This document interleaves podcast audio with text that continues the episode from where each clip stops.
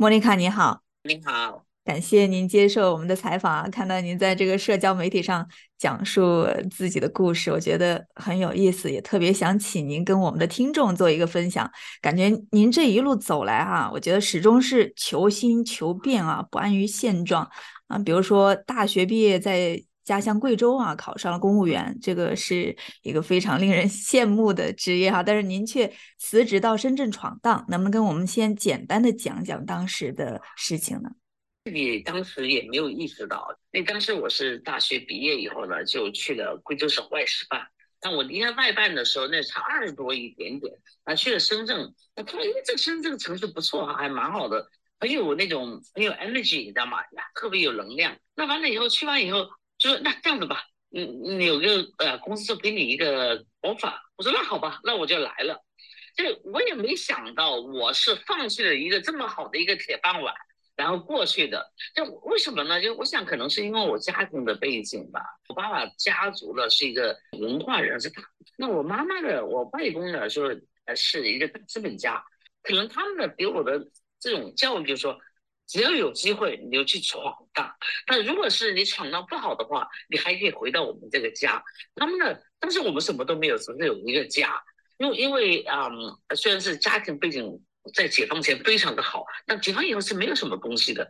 而且我跟你讲，不知道你知不知道，说我还是一个独生女。嗯。我在我现在回头一想，觉得 Oh my God，怎么会有这么大的？对，一般父母都不希望自己的孩子做那么大的一个变动哈。对呀。您当时在政府是做什么翻译呢？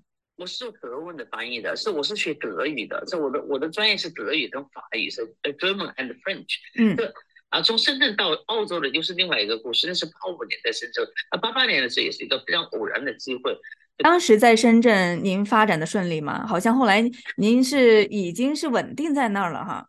每一个人都有很多的挑战，叫 lot of challenges。哎，你想到深圳以后，你也不会说广东话，然后你也就完全是一个到一个设计公司，你也不会做设计哈。因为我这个人呢是有比较有远见的一个人，但是我也是会 enjoy 呃当今，就是 I enjoy the present，就是享受当下，就是非常享受当下，对吧？他说啊，因为实际上我在那设计公司当时有点瞎混的感觉，然后就很真的是找不到自己的位置，也不知道自己干嘛，那。突然的时候呢，有一天就有有那个深圳那边当时有个英语角的一个 English Corner，因为我到那儿以后，我觉得哎，我还可以有学英文的这个机会啊。嗯。我突然就是有一点找到自己的感觉，说哦，原来在这个新的环境之下，我以前觉得德文跟那可能没有什么太大用处，但是我还可以嗯可以感受到哦，有学英文的这个可能性。还有呢，在深圳的时候有一个分可以分享，就当时是八五年的时候。如果是大家都知道啊，呃，是深圳刚刚是对外开放嘛，那有一个项目啊，就一个啤酒的项目，它需要一个德文的翻译。哎，我觉得这个挺好的，所以我当时深圳可能也是唯一一个可以学德文的，那我就加入了这个项目。那这个项目是当时深圳最大的一个合资企业，我在里面做了非常多的贡献。比如说，我把啤酒德国的啤酒公司中国粮油，还有深圳的呃香港的一个机械公司连在一起做。当时中深圳最大的第一个合资项目就是跟我有关系的，现在叫金威啤酒，当时的叫好顺啤酒，所以这个是我的一个比较精彩的一个人生。嗯，那后来是什么样的偶然的机会让您跟澳洲联系起来，然后直接就来到澳洲了呢？对呀，就是你听我提到那个英语角嘛，在那个深圳有个叫荔枝公园，有很多年轻人没事到那儿去啊练习一下英文呢，就在叫 English Corner。那前有一天呢，就有一个有一个朋友问我说：“哎，你有没有？我有个朋友从澳洲过来，他想在那个在深圳做一个 similar，就是像招生，就招学生。当时澳洲刚刚开放给海外学生嘛，嗯，那你可不可以帮他安排一下？我说那可以啊，因为我的组织能力还可以啊。所以我说我就安排一个一个 similar，但就是非常成功，你知道吗？嗯，那这个学校是在 Melbourne 的，所以你现在在 Melbourne 嘛，对吧？是我是从 Melbourne 过来的。他说：哎呀。那个莫妮卡，我我觉得特别感激你啊！你看你帮我们这么多忙，要不然你要不要到我们那个那个 Melbourne 这个叫 Receptionist Center，就是一个呃前台服务啊，对很多学校这个中心就练习什么打字啊、学英文啊、什么 Excel 什么？到这个地方来学习。但如果你来的话呢，我给你一个比较好的一个 discount，就给你一个打折你的学费。我说那好啊，谁不需要打折，你知道吗？我说那好吧，那我就试一下。所以呢，我就这么莫名莫名其妙的，我就到了 到了墨尔本，你知道。我真的，我一句两三句，我英文只说 Thank you, very calm, 嗯，How much？这这是我的。你还是真的是非常有勇气啊！真的很有勇气，超级有勇气，我就来了，来了 Melbourne。到 Melbourne 的时候，真的好好 frustrated，因为当时的话，就我英文真的好了，嗯，那我我还记得，就说你们 Melbourne 不是还有那个 train 对不对？你的那个 train，嗯走，train ticket 我都不知道怎么买，你知道吗？我就这么就来了，那就是一九八八年。嗯，就因为 my life is like 每三年好像就有一个移动。然后在贵大学毕业，在贵州待了三年，然后到深圳又待了三年，然后就到了墨尔本。到墨尔本待了三个月，我觉得啊，这个地方真的是水土不服哈，就完全都搞不懂。我就我就准备是回去回去深圳，因为当时在深圳我真的非常火，我有有车有房产那种。那几年当时结婚了吗？年的时候，当时结婚了。嗯，呃，我我还有老公在那边，对吧？到国外待过以后回去，我当时有点水土不服。回到深圳又觉得，哎呀，好吵了。好，因为因为 Melbourne 那个城市很安静嘛。嗯。所以呢，我又回来了。嗯，回来之后应该也是经历了许多的不容易哈。您是怎么样对为自己打拼自己的这个生活呢？呃，找工作找不到，因为你的英文实在太差了，完全不懂啊。洗碗你也洗不好，因为。这个这个真的不是我的 calling 啊！这洗碗它好难啊，这盘子好重啊！这 就没。您当时是一边学习，然后一边做兼职是吗？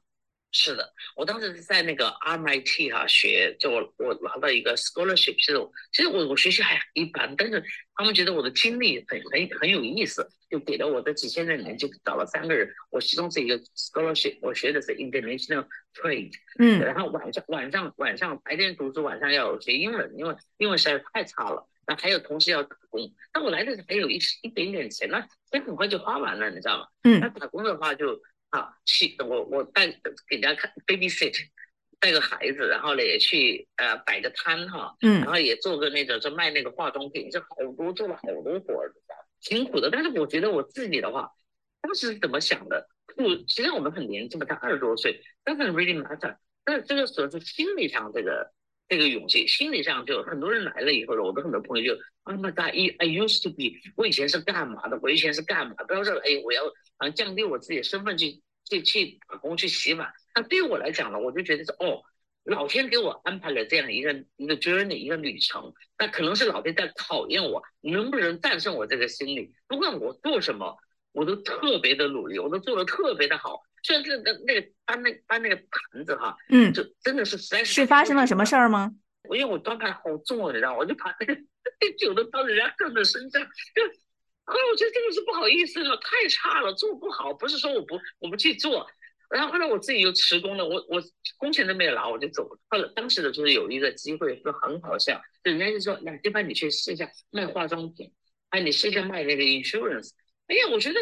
我从来没想到我是会卖东西的，嗯，但没想到我真的做的很好，哎，所以有的时候你自己的天分啊都没有被发现，是这个机会来到你身边以后，你觉得哇哦，actually I can do it，从此以后我就成了一个 sales people。您提到您在市场哈摆摊七年，后来又创建公司，有一些什么特别的经历或者是收获呢？后来我就到了悉尼，到了悉尼完了以后，就是我有一个朋友，他就说，呃，看我，呃，因为我以前是深圳的朋友们还挺好的。然后我觉得我我的销售的能力还可以，那他就给我一个一个机会，在一个 computer 的一个公司里面打工的同时，因为打工你想像我这种的消费观念，像我这种的那种精力那么旺盛啊，我肯定是不够的。所以我周末的时候，我就说你这样，你借我一点东西，我去摆摊。你那个那你想想，这个从一个政府的观念，从一个项目的一个一个一个策划人哈，到去摆摊。摆摊是什么样的概念啊？哈，就是你背着那个腰包，你知道吗？就是穿着球鞋，嗯，然后就是你就是摆摊，你你你你你可以 imagine 啊一下，嗯，当时身边的朋友家人怎么看待这个事儿呢？他们就到澳洲以后帮我去摆摊，这个 support is unbelievable。那你让我妈去摆摊，我妈现在还，那我爸我妈已经八十多岁了，这养鱼、弹琴、说话的这样一个人。跟我去摆摊去收钱，这种 example 我觉得真的很棒，但是也是我对他们的一种影响，就是说在任何环境下面，我们都要做好自己。就当时买了，就是我们一点 ego 都没有，就一定要做好。然后我摆摊我也摆的特别的成功，你知道吗？所以现在我三十年以后，我的朋友碰见我，他知道我摆摊的时候，我我就是一个 queen of the market。现在我是 queen of property right，就摆摊我也把它给摆好。其实我的故事，我觉得给大家会有一种老年人他们会有同感。OK，就因为我现在已经六十多岁嘛，就又会有同感。在哦耶，莫妮卡你是对的，那是真的那种好的。最难的不是 physical 的难，是心态的难。嗯，年轻人你就会听一下，就是我们的故事，就是说真的会很 inspiring。就当时我们来的时候，跟你们现在完全的不一样，因为你们现在就有个很大的 community 是欢迎你们。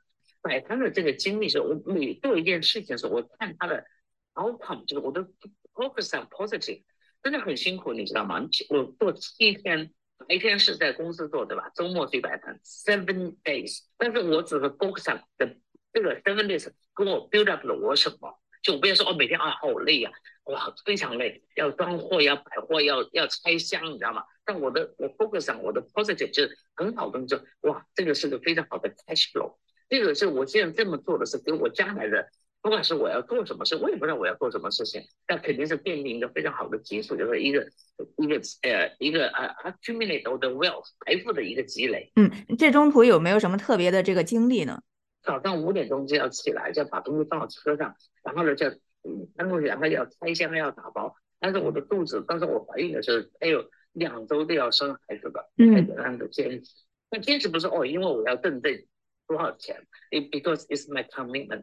但这个期间呢，也给我带来了很多，就是说，比如说，再像我，我六十一岁我就已经做了 knee replacement，就是换了脐带。我说为什么？我又不是运动员，为什么这样？我想吧，等当时干活的时候实在是太辛苦。嗯，就就这这站着太久了哈，站的太久了。当但是当然没有意识到，因为你的 focus，你的集中力是要把这件事给做好。那这个是我的一个做人的一个宗旨，我 I have to do everything to the limit。你你觉得我不会享受，我是个非常不会享受人生的人。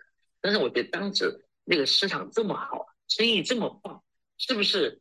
因为那个 luck 不用不是永远的跟着你的，嗯，我们一定要 maximize 这个 opportunity，就有一个机会到你身边的时候，你要去使这个机会尽量最大化哈。嗯，那哎，来澳洲这么多年，您的这个个人情感生活好像也在不断的变化哈，能不能跟我们分享一些您的故事呢？其实在国内呢，我已经结婚了。当时我的呃第一个呃先生呢，他是学建筑的，我学外语的，我们是在四川那个重庆上大学的，现在特别优秀。但是我呢就结婚，当时是比较年轻嘛，就二十四岁的时候就结婚了。其实我去深圳跟他也有点关系，嗯，那后来以后在深圳他发展的特别好，但我就到了澳洲。因为这个 long distance 还蛮难的，所以说我到了澳洲以后，他在国内以后呢，他他就就分开了。那我们是没有孩子。那第二段婚姻呢，就是也是在生意上面，就在呃，有人帮我开始在呃悉尼来一个做摆那个摊做市场嘛。那他实际上本来是我的一个客户，然后他后来就说邀请我，这这很长的 very interesting story，right？他说哎呀，呃星期六星期五你也没啥事干哈，要不然就过来跟我打工嘛，因为我只是星期周末给他借一些货。但没想到我跟他打工以后呢，就哇，就做的好好啊，你知道吗？我们就把那个公司就呃，基本上有段时间基本上要上市了，你知道？我是 exciting 了，因为因为 IT 我是完全不懂的。那当时我们只它只是一个小 corner shop，一个一个小电脑店而已。然后就把整个电脑店呢，现在目前来讲的话，七八十人的公司了，在澳洲在电脑界是非常有名的，叫 Lader Corporation。因为他也是单身嘛，那我也单身那时候哈，就说大家就在。但我们在做生意上面，哇，真的是个黄金搭档啊！做的从一个 corner shop 到 multi million dollar company，可能是建立在这个生意上面，嗯，就没有什么太多情感的这种交流。但我们 respect each other，right？那我们也结婚，也有一个女儿。在生意做到一定时候了，他的 number one priority 还是生意，嗯，对吧？还有一个我们我们结婚两年，我我们是公司都没有人知道，我们离婚了，因为什么？我我们当时我们两个的。priority 就我们的重点是生意，但是情感上的分开，当然很多的伤害，很多的痛苦，但没有关系。但作为一个比较聪明的女人来讲的话，我们不能放，因为我们还有员工。嗯，您提到您当了两年，差不多两年家庭主妇哈，好像那段时间也是呃人生最低谷的时候，您用这样的词来形容。那两年的时间呢，主要是就跟我的女儿带女儿，送她读书啦，啊，读完书以后就跟妈妈。喝茶啦，然后就呃，公司，比如来这种 shopping 啊，就是干这种事情。这两年的时候，就人生的低谷是说，不是说你好像没有钱或者没有时间，而是觉得没有价值，完全的没有价值。嗯，我觉得我整个一个就是说，哎呀，像我这样子的人哈，这样的一个背景。是吧？I'm wasted。嗯，所以你我不知道你有没有这种感觉，但曾经可能是不是因为我明白，就是你自我的这种价值要体现在就是你自己的嗯施展你自己的才能。Exactly，exactly。像像我如果像啊目前来讲啊，四十三十多岁、四十岁的很多妈妈，她们都会有这样的感受。那这个呃，我觉得如果是你的听众和这个啊有同样的感受的话，或者是这么处在这个期间的话，你真的。千万不要放弃自我，OK？就像我呢，在跟我女儿在呃带孩子的这段时间还是 it's very happy，right？因为你 spend time with her and she's happy，但是她实际上也在看你的价值。我觉得在二零零下，我待了两年以后，哇，每天都是 shopping 很方。那你坐一起喝茶，你谈什么都这帮人，要不然就谈你的孩子，我的孩子，别人干嘛？You just I feel like my God，what am I doing？我在干嘛？嗯，所以这个时候呢，是我是人生的非常低谷的时候，就完全完全不知道自己干嘛。你不愁吃不愁穿，OK？你人生的最基本的那个，你知道人生那个 hierarchy 啊，就你真的人生的最底最基本的你解决了，但是是不是你要寻求一种更高级的这种人生的享受或者人生的一种目标呢？所以这个是我比较难受的时候。啊，在这个时候我就碰见我现在这个老公，嗯。这这个是 long story 哈，原谅一下我，呃，他他真的是给了我，他比我小很多，他比我小二十岁，嗯，但是我觉得是不可能的，但他是一个 old soul，但是他人年轻，但他的这种想法，因为他是一个比较虔诚的一个基督教徒，嗯，呃，他给了我东西说，哎呀，it's what I want，但那个时候是我需要的一个东西，去认识怎么样去爱，爱不是 base 在一个生命上面，爱。不是 based 在一个 opportunity，它也是 based 在这互相之间的一个 understanding，所以他他给了我这个东西，你知道吧？就精神上的一种一种 satisfaction。就我们现在一起十五年了，就结婚了十五年了，还还挺好的。嗯，那当时呃二十岁的这个年龄差距有没有遇到家庭的这个阻碍呢？那绝对的，以前的女朋友当时才十八岁，OK，我是四十多岁，知道吗？呃，big difference，right？对他讲也是第一次，他觉得我，我说后来我就问他，我说你为什么要选择我？他觉得他是女人，I like your spirit，I like your idea，你你好 positive，你这个人生非常啊，you you bring the best out of me。就我我我做事看事，我是比较，你像我的过去的呃老公，我们离婚，但在我们决定离婚的那一天，我从来不会在我们面前说一句他的不好，嗯，从来我看他不是说我不说，而是我就觉得他没什么不好。他就说，只是说不是一个很好的呃 compatible 的一个丈夫。挑战就说，我我妈妈到今天还觉得，为什么你你干嘛？多吓人呐！你知道，万一人家把你甩了怎么样？就是人家才比你小那么这么小这么多哈，都有。那他的父母就说肯定会觉得很奇怪，但他的父母比较好，就说这是他的选择。但我妈妈就是她到现在还觉得还每天在担心我。我说你担我都不担心，你担心什么？嗯，你不能去改变你的父母。对，毕竟是父母嘛，总是为孩子操心的。